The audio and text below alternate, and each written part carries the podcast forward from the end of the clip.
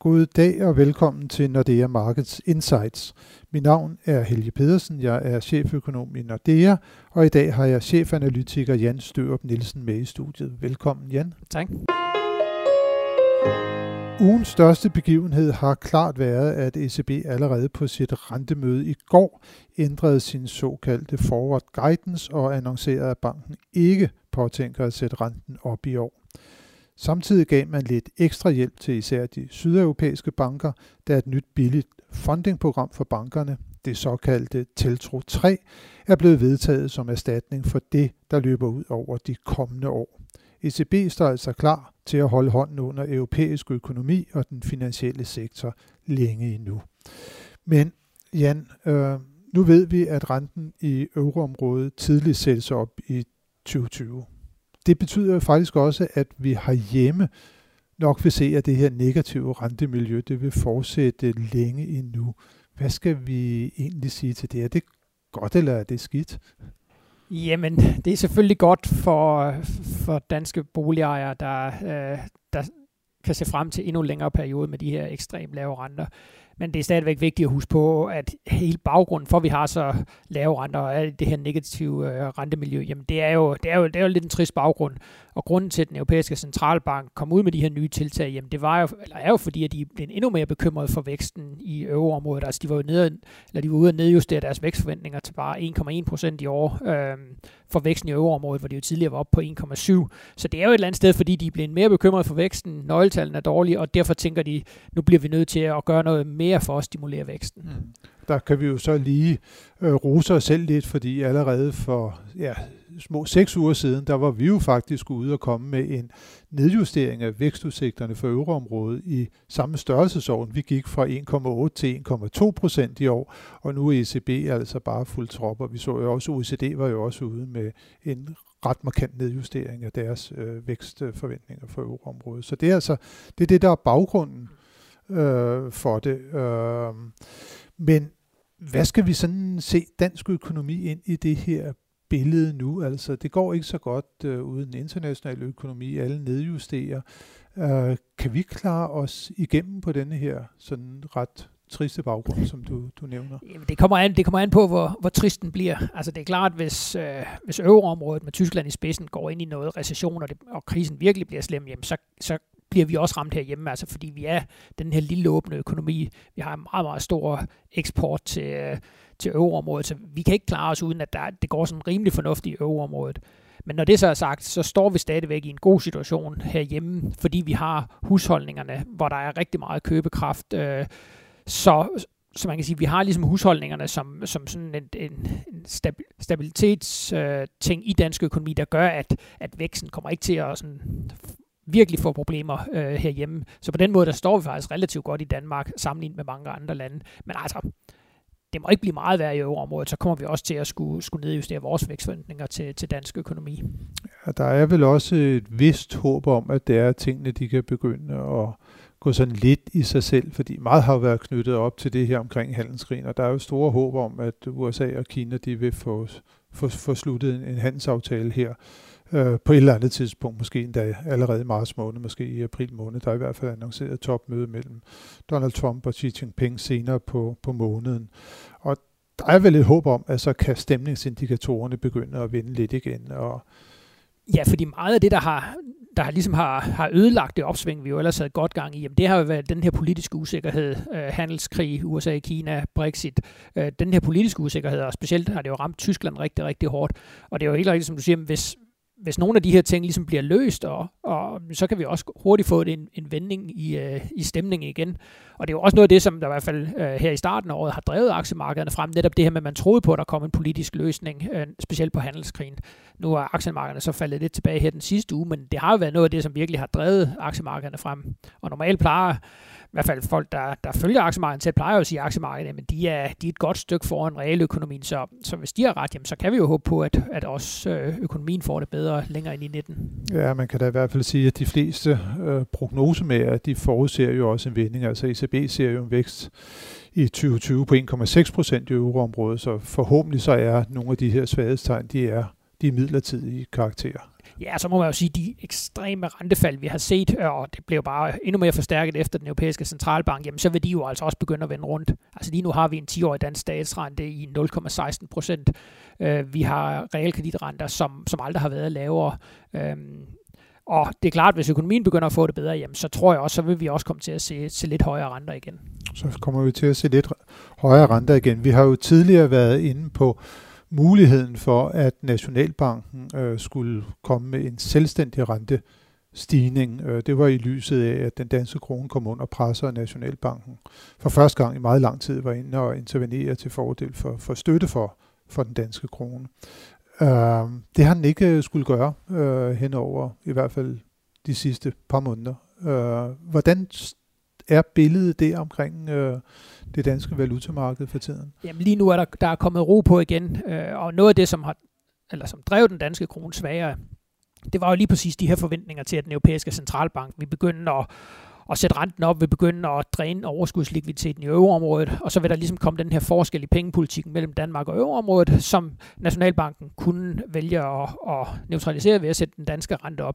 Men i og med, at den europæiske centralbank nu har, har skudt den første renteforhold endnu længere ud i fremtiden, i og med, at de kommer til at give endnu mere likviditet, jamen så, så er der ligesom ikke længere noget pres på den danske krone. Altså vi ligger fuldstændig øh, på centralpariteten lige nu, og det vil sige, at Nationalbanken kan sådan set bare læne sig tilbage og, og se tiden an. Og altså, det betyder jo også, at den første øh, renteforhold til hjemme, jamen det, det er formentlig først, når den europæiske centralbank kommer på banen, og det vil sige så ja, tidligst i, i 2020 på et eller andet tidspunkt. Og lige nu så siger vi helt konkret, at det bliver først i juni måned ja. 2020, at det er, at ECB kommer kommer til at sætte renten op. Så. Ja, og så kommer Nationalbanken til at sætte renten op herhjemme fra minus 0,65 til minus 0,40, så vi er jo stadigvæk, altså hvis vi får ret der i midten af 2020, så har vi stadigvæk en rente i Nationalbanken på minus 0,4 procent. Så vi skal nok helt ind i 2021, i hvert fald øh, før det er, at vi får positive renter herhjemme. Det er det, som du siger. Det er der i hvert fald en, jeg ved ikke, om man skal sige uh, risiko eller mulighed for, men det, det, er, det, det er det, som, som billedet peger på lige nu.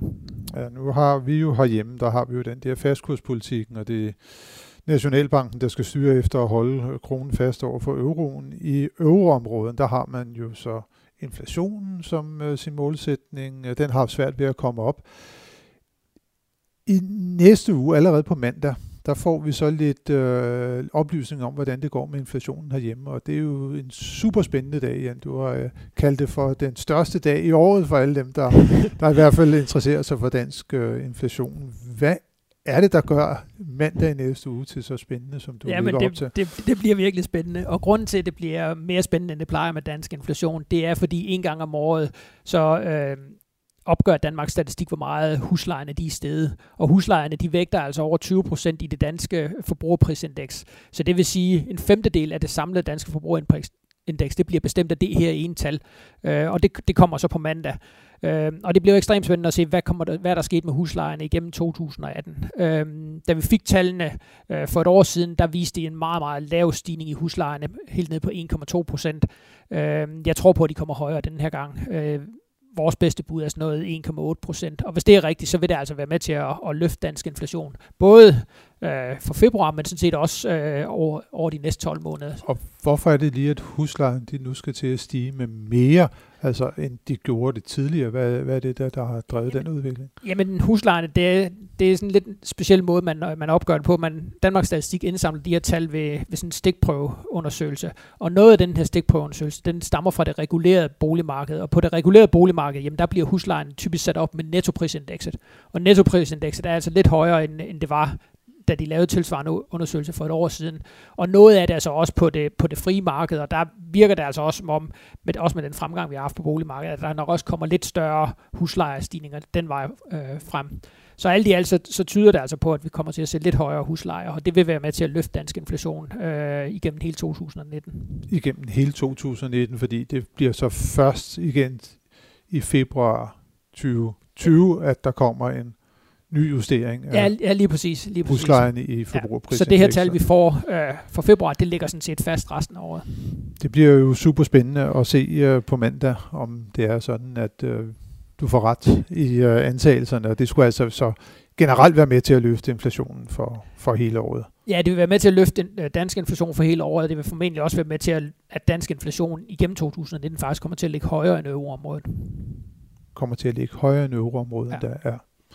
Det bliver spændende at se, og det bliver faktisk også lidt spændende at se i næste uge, hvor det er, at vi også får nogle inflationstal fra øh, vores øh, skandinaviske nabolande, nemlig både Norge og Sverige, og når det er, at der altid er lidt ekstra fokus på de tal, så er det jo fordi, at øh, både øh, den svenske Riksbank, men også Norges Bank, de jo har en inflationsmålsætning, øh, så der bliver det spændende at se, om det er, at inflationstallene kommer ud på den, på den øh, høje eller på den lave side af det, som øh, de to centralbanker de forventer, fordi det kan være med til at påvirke udviklingen i valutakursen. Men som det er, vi ser det lige nu, så er der lange udsigter til, at øh, den svenske Riksbank kommer til at sætte renten op, fordi der er noget afmatning, ret betydelig afmatning øh, i virkeligheden i svensk økonomi. Inflationen har altså skuffet os gang på gang, og øh, så øh, må vi også sige, at det modsatte øh, billede, det tegner sig af norsk økonomi, hvor det faktisk går rigtig godt for tiden.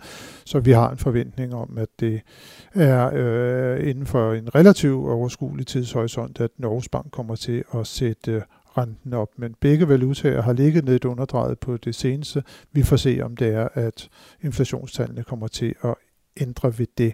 Men Jan, lige her til allersidst, så når vi kigger frem i næste uge, så bliver det jo super spændende at se denne her afstemningens øh, uge, som Theresa May har lagt op til i det britiske parlament omkring øh, Brexit. Øh, over tre dage, så skal parlamentet tage stilling til øh, ja, aftalen, øh, og hvis det nu er, at man øh, siger nej til Theresa Mays øh, aftale, hvad er det så, der, der så skal ske?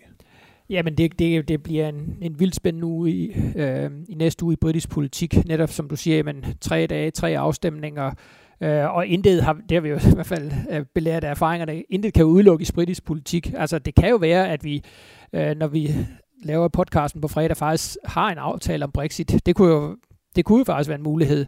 Men det mest sandsynlige scenarie er nok, at man ender med at ligesom udskyde øh, den endelige afgørelse. Men sekvensen den er først, så der, der skal britterne, eller parlamentet tage stilling til Theresa Mays aftale. Ja.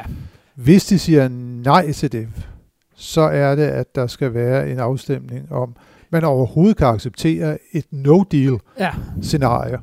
Og hvis man siger nej til det, så er det, man skal ja, diskutere den her ja, lige præcis, om man, udskydelse. Om man skal sige, man, at vi kan ikke nå det til udgangen af marts, så derfor søger vi EU-landene, om vi kan få... Men altså det Theresa May jo har været ude at sige, selvom de vedtager, at det bliver en udskydelse, så er det jo kun et par måneder. Altså det er jo ikke sådan, at det bliver skudt flere år ud i fremtiden. Det er sådan lige, at de lige får mulighed for lige at tænke sig om en ekstra gang. Øh, men igen, alle muligheder er åbne, øh, så det, det bliver meget, meget spændende. Det bliver super spændende også, fordi som vi snakker om nu her, ikke, så vil ja, hvis det bliver nej, nej, og så bliver det så et eller andet med, at nu skal vi have udskudt øh, øh, udtrædelsestidspunktet. Det kræver jo, som du siger også lige, at EU går med til det.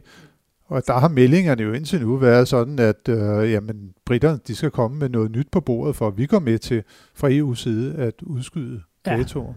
Ja, ja, så det er virkelig øh, politisk spil i, i højeste potens, der foregår lige nu. Det er virkelig, øh, det er virkelig højdramatisk. Øh.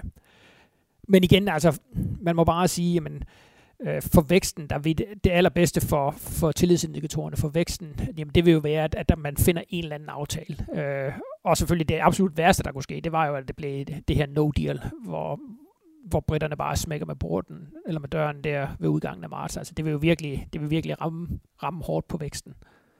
Så et eller andet sted må vi håbe på, at de finder en aftale. Det bliver vi klogere på en gang i næste uge. Det ser i hvert fald ud til, at vi går en rigtig, rigtig spændende uge i møde igen.